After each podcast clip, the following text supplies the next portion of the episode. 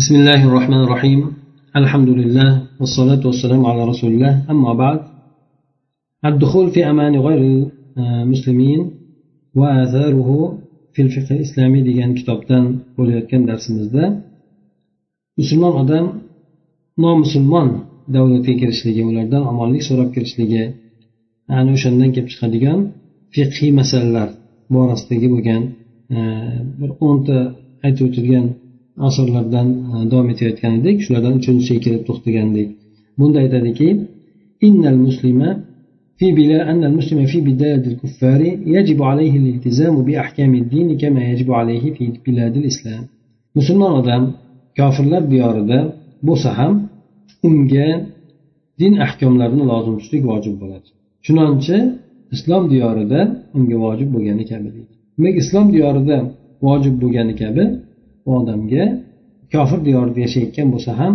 ayni o'sha din hukmlarini lozim tutishlik vojib bo'lar ekan. Muallif aytadiki إن الله تعالى لم يخلقنا عبثا ولا تركنا هملا بل جعل لوجودنا غرضا محددا واضحا وهو إقامة العبودية عبودية لله عز وجل بتوحيده في الاعتقاد والقول والعمل وطاعته بامتثال ما أمر والانتهاء عما نهى عنه وزجر كما قال تعالى وما خلقت الجن والإنس إلا ليعبدون. وهذه العبودية تستوعب حياة الإنسان كلها منذ أن يبلغ سن التكليف حتى آخر لحظة من حياته. فبهذه فبهذا أمر الله تعالى نبيه الكريم صلى الله عليه وسلم وهو أمر له ولأتباعه من بعده. فقال سبحانه وقل إن صلاتي ونسكي ومحياي ومماتي لله رب العالمين. وبه أيضا أوصى الأنبياء السابقين كما قال المسيح عيسى بن مريم صلى الله عليه وسلم إني عبد الله آتاني الكتاب وجعلني نبيا وجعلني مباركا أينما كنت وأوصاني بالصلاة والزكاة ما دمت حيا albatta alloh taolo bizni bekordan bekorga yaratgani yo'q shunchaki e'tiborsiz tashlab ham qo'ygani yo'q bizni balki muayyan bo'lgan ravshan bo'lgan bir maqsad sababli bizni alloh taolo yaratdi. Yoki bo'lmasa bizni borlig'imizga alloh taolo bir maqsadni qo'yib qo'ydi. Bu ham bo'lsa alloh taoloni o'ziga ibodat qilishlik. Bu e'tiqodda ham so'zda ham amalda ham alloh taoloni yolg'izlashlik bilan. Yana alloh taolo buyurgan narsalarda bo'ysunishlik alloh taologa toat qilishlik qaytarib man etgan narsalardan tiyilishlik mana shu narsalarni bajarishlik bu alloh taolo insonni yaratgan maqsad ekan. Alloh taolo chunonchi aytadiki men jinlarni ham insonlarni ham faqat o'zimga ibodat qilishliklari uchungina yaratganman deydi. Demak alloh taolo insonlarni ibodat uchun yaratgan. Bekordan bekorga ularni shuncha yaratib turib tashlab e'tiborsiz tashlab qo'ymagan ekan. Mana bu ibodat insonni butun hayotini o'z ichiga oladi. Bu inson balog'at yoshiga taklif yoshiga yetgandan boshlab to hayotini oxirgi lahzasigacha bo'lgan vaqtlarni hammasini o'z ichiga oladi. Mana bunga alloh taolo payg'ambar sallallohu alayhi vasallamni buyurgan. U kishiga bo'lgan buyruq hamda u kishidan keyingi atbolariga ergashuvchilarga ham bo'lgan buyruq bo'ladi. Alloh subhanava taolo aytadiki ayting ey muhammad sallallohu alayhi vasallam meni albatta namozim ibodatlarim tirikligim hayot mamotim hammasi yolg'iz olloh uchun xolisdir. Biron narsada hech qanaqangi shirik keltirilmaydi deb aytgan ekanlar. Shuni shunday deb ayting deb alloh taolo aytadi. Yana bu narsani o'tgan payg'ambarlarga ham alloh taolo vasiyat qilgan chunonchi mana iso alayhissalom aytadiki inni abdulloh albatta men alloh taoloni bandasiman. Alloh taolo menga kitobni injilni berdi meni payg'ambar qildi.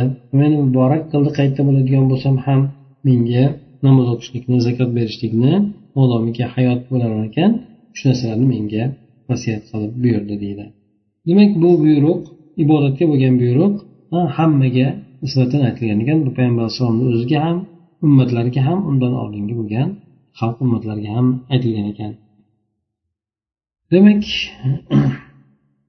وهي عبودية تلازم العبد المسلم في جميع الأزمان والأماكن والأحوال فلا تقتصر على أوقات دون غيرها ولا تتحدد بموضع بمواضع دون سواها ولا تتعلق بأحوال عدا سائر الأحوال. فالله تعالى رب الأزمان والأماكن والأحوال كلها والعبد خاضع لربوبيته دائما وأبدا ليس بخارج عنها فكذلك لا يجوز له الخروج عن عبادة ربه وطاعته ولا التقصير فيهما بأي وجه من الوجوه.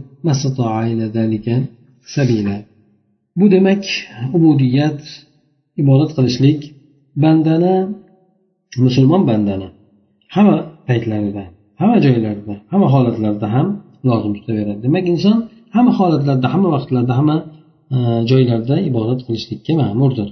Bu bir siz ba'zi ibodatlarni o'ziga chegaralanmaydi yoki bo'lmasa boshqasiz bir joylarni o'zigagina o'zinigina ibodatgoh qilib olmaydi. Ya'ni faqat bir joylarda o'zigagina chegaralolmaydi balki payg'ambar alayhisalom aytgandek yerni hamma yog'i menga ibodat joyi qilib berildi. Faqatgina qabristonlar yoki shunga o'xshagan bo'lgan ba'zi qaytarilgan joylargina bundan mustasno bo'ladi. Yana undan tashqari bu holatlarsiz ayni bir holatlarni o'ziga ham bog'lanib qolmaydi. Ya'ni inson boy bo'lganda ibodat qilib kambag'al bo'lganda ibodat qilmaydi emas kasal bo'lganda ibodat qilmasdan sog' bo'lganda ibodat qiladigan holat emas balki hamma holatni ham o'z ichiga oladi. Alloh taolo butun zamonlarni ham joylarni ham holatlarni ham robbisi o'zidir. Banda esa alloh taologa doim abadiy bo'ysunuvchidir. Uni alloh taoloni rububiyatidan hech qanaqa yoqqa chiqib ham keta olmaydi. Shuningdek banda uchun robbisini ibodatidan toatidan ham chiqishligi mumkin bo'lmaydi. Demak inson alloh taoloni yaratgan mulkidan tashqariga chiqib ketolmas ekan demak alloh taolo buyurgan narsalardan ham tashqariga chiqishligi mumkin bo'lmaydi. U narsalarda nuqsonga yo'l qo'yishligi ham mumkin bo'lmaydi. Qanaqa bir holat bo'lishidan qat'iy nazar. Modomiki o'sha narsaga yo'l topadigan bo'lsa deydi. Alloh taolo aytadi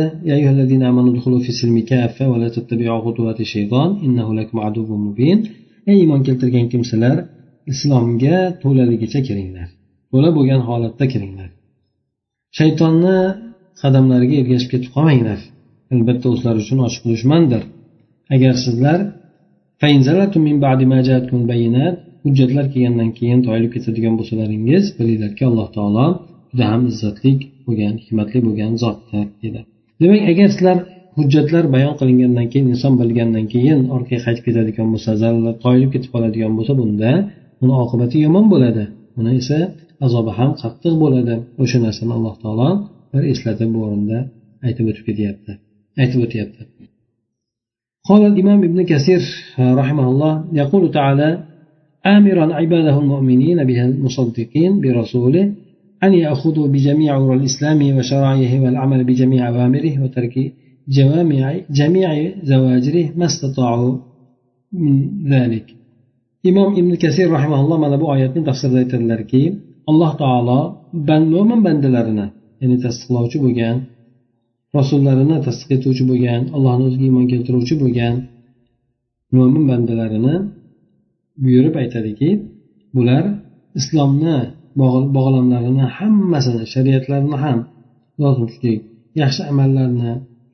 alloh taoloni butun buyurganlarini qilishlik va butun qaytarganlarni qo'ldan kelgancha qaytishlik buyurganlarni qo'ldan kelgancha buyurishlik mana shu narsalar bilan mana shu narsalarni mahkam tutishlikka alloh taolo mo'min bandalarni yuqoridagi bo'lgan oyatda buyuryapti deb ibn kasir rahmaulloh aytib o'tadi قال العلامة عبد الرحمن سعدي رحمه الله هذا أمر من الله تعالى للمؤمنين أن يدخلوا في السلم كافة أي في جميع شرائع الدين ولا يتركوا منها شيئا ألا يكونوا ممن اتخذ إلهه هواه إن وافق الأمر المشروع هواه فعله وإن خالفه تركه فللواجب أن يكون ذلك أن يكون الهوى تبعا للدين وأن يفعل كل ما يقدر عليه من أفعال الخير وما يعجز عنه يلتزمه وينويه فيدركه بينه ولما كان الدخول في السلم كافة لا لا يمكن ولا يتصور إلا بمخالفة طرق الشيطان.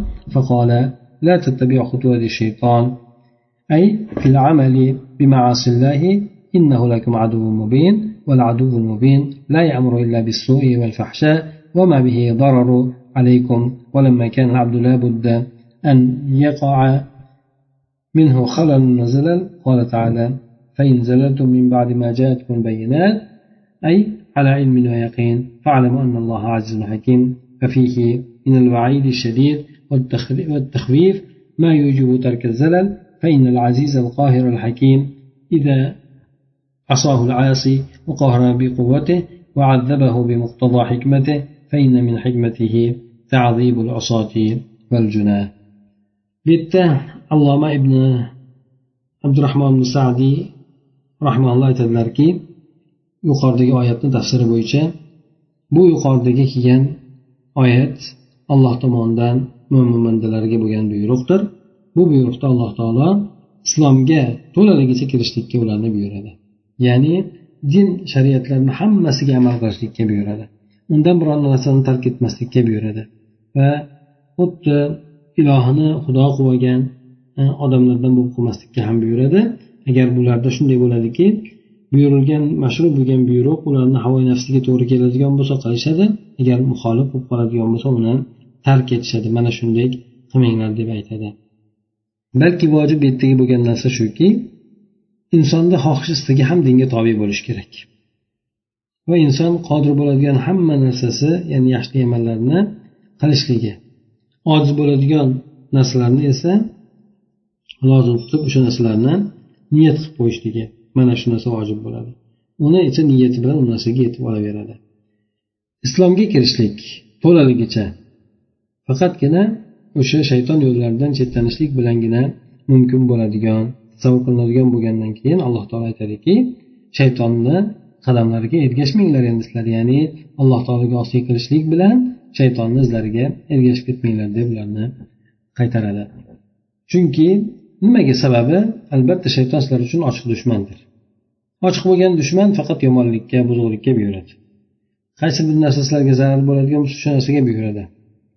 Banda bandadan albatta endi kamchilik nuqson toyilishlik sodir bo'ladiganligi aniq bo'lgandan keyin baribir inson hayot yashagandan keyin shu narsalar sodir bo'ladigan bo'lganligi uchun undan keyin alloh taolo aytdiki agar sizlar sizlarga hujjatlar kelgandan keyin toyilib ketib qoladigan bo'lsalaringiz ya'ni o'zlaringiz bilib ishonib ana undan keyin toyilib ketib qoladigan bo'lsalaringiz unda bilinglarki alloh taolo juda ham izzati qudratli bo'lgan maqtovli bo'lgan zotdir deydi. Ya'ni bu bunda ham qattiq vaid bor qo'rqituv borki bu narsa albatta o'sha inson tushib qoladigan xato kamchilik toyilishlikni tark etishlikka insonni undab qo'yadi. Albatta alloh taoloni bu yerda aziz deb ismini keltirishligi hakim aziz degani qohir. Qohir ya'ni hamma narsani ustidan hukmron bo'luvchi hakim degani esa bu alloh taolo osiy bo'lgan odam osiy qiladigan bo'lsa uni alloh taolo quvvati bilan bo'ysundirib qo'yadi. Yoki bo'lmasa uni o'zini hikmat qazosi bilan azoblab qo'yadi. Mana bu narsa esa alloh taoloni o'zini hikmatiga bog'liqdir. Ya'ni osiy bo'lgan kimsalarni jinoyatchi bo'lgan kimsalarni azoblashlik alloh taoloni o'zini hikmatiga munosib muvofiq bo'ladi deb alloh taolo aytadi. Demak yuqoridagi oyatda mana shunday deb e, tafsir e, qilindi. E, demak u oyatda yuqoridagi bo'lgan oyatlarda vaid bor ekanki bu vaid bu yerda mahzuf kelyapti. Mahzuf kelinishligi esa buni juda ham e'tiborli ekanligini juda ham ulkan vaid bo'lishligini anglatadi. Alloh taolo aytadi ey iymon keltirgan kimsalar alloh taolodan haqiqiy suratda taqvo qilinglar va musulmon bo'lib o'lishlikka harakat qilinglar. Ya'ni islomda bo'lib hayotinglar mobaynida to'laligicha islomda bo'lishlikka harakat qilinglar. Ya'ni musulmon bo'lgan holatda o'linglar degani shunga erishishlikka musulmon bo'lib vafot etishlikka harakat qilinglar degan alloh subhanaa taolo yana boshqa o'rinda aytadiki ollohdan qodir bo'lganlaringizgacha qo'rqinglar. Hmm? Eshitib itoat qilinglar yaxshiliklarni o'zlaringizga sarf etinglar. Ya'ni inson o'zi ilm oladigan bo'lsa ilmini sarflashligi ham o'zi uchun yaxshilik sarflaganligi bo'ladi. Kimki nafsini baxilligidan tiyiladigan bo'lsa yoki nafsini baxilligini tiyadigan bo'lsa ana ular zafar topuvchilar bo'ladi. Chunki nafs insonni butun yaxshiliklarga baxil bo'lishlikka undaydi kimki demak alloh taolodan qodir bo'lgancha taqvo qiladigan bo'lsa ana o'sha narsada vafot etgunigacha butun harakatini sarflaydigan bo'lsa o'sha yo'lda bu odam alloh taolodan ya'ni buyuk bo'lgan haqiqat buyuk bo'lgan alloh taolodan haqiqiy bir suratda taqvo qilgan odam bo'ladi. Demak alloh taoloni tanib alloh taoloni yaxshi bilib ana o'shandan keyin alloh taolodan qo'rqishligi bu insonni alloh taolodan haqiqiy taqvo qilib qo'rqqanligini ifoda qiladi. Abdulloh masud roziyallohu anhu aytgan ekanlarki o'zlarini alloh taoloni ushbu oyat so'zida alloh taolodan haqiqiy suratda taqvo qilib qo'rqinglar degan oyat borasida bu degani inson alloh taolo itoat qilinishligi osiylik qilinmasligi alloh taolo eslanilishligi unutilmasligi alloh taologa tashakkurlar shukronlar aytilishligi hamda alloh taoloni bergan ne'matlariga nonko'r bo'linmasligidir demak qur'oni sunnatdan mana bu aslga kelgan dalillar judayam ko'p ekan. Bu asliki musulmon odam qaysi joyda bo'lishidan qat'iy nazar albatta din shariat hukmlarini lozim tutishligi kerak bo'ladi. Ha u musulmon diyorida bo'lsin ha kufr diyorida bo'lsin. Mana shu narsaga dalolat qiladigan qur'on sunnatni dalillari judayam ko'p deydi bular umumiy suratda oladigan bo'lsak islom dinidan bilishligi ma'lum bo'lgan ish hisoblanadi. Albatta hamma bilishi kerak bo'lgan zaruriy bo'lgan ilmni ifoda qiladi bu narsa. Kimki alloh taologa rob deb islomga din deb payg'ambar alayhisalomga payg'ambar rasul deb rozi bo'ladigan bo'lsa bu odam aniq suratda biladiki alloh taoloni diniga shariatiga hamma zamonda makonda mukallaf ekanligini aniq biladi. Yana hamma holatlarida ham o'zini xosatan o'z nafsida bo'lsin yoki odamlar bilan birga bo'lgan holatda bo'lsin hammasida demak inson shariat hukmlariga amal qilishlikka ma'murdir. Mana shu yerdan imom shofiy rahimalloh aytgan ekanlarki musulmonlar aql qiladigan ya'ni uni ustida jamlanadigan narsalardan shuki islom diyoridagi bo'lgan halol bu kufr diyoridagi bo'lgan haloldir. Islom diyorida nima narsa harom bo'lsa u kufr diyorida ham ayni harom hisoblanadi. Kimki bironta harom ishga qo'l urib qo'yadigan bo'lsa alloh taolo uni o'sha xohlagan narsasiga ko'ra hadlagan bo'lsa kimki bu haromdan biror narsaga yetadigan bo'lsa alloh taolo uni o'zi undan xohlagan narsasiga ko'ra uni hadlaydi uni chegaralab beradi va ya'ni kufr diyorlarida bo'lishligi undan biror narsani pastlatib yoki yo'qotib kamaytirib qo'ymaydi deydi. Demak inson bir harom ishni qiladigan bo'lsa alloh taolo unga o'zi xohlagan ya'ni u qilgan jinoyatiga yarasha bir jazoni beradigan bo'lsa u jazoni berilishligi albatta islom diyoridami kufr diyoridami ayni o'sha jazo deb e'tibor qilinadi deb aytadi.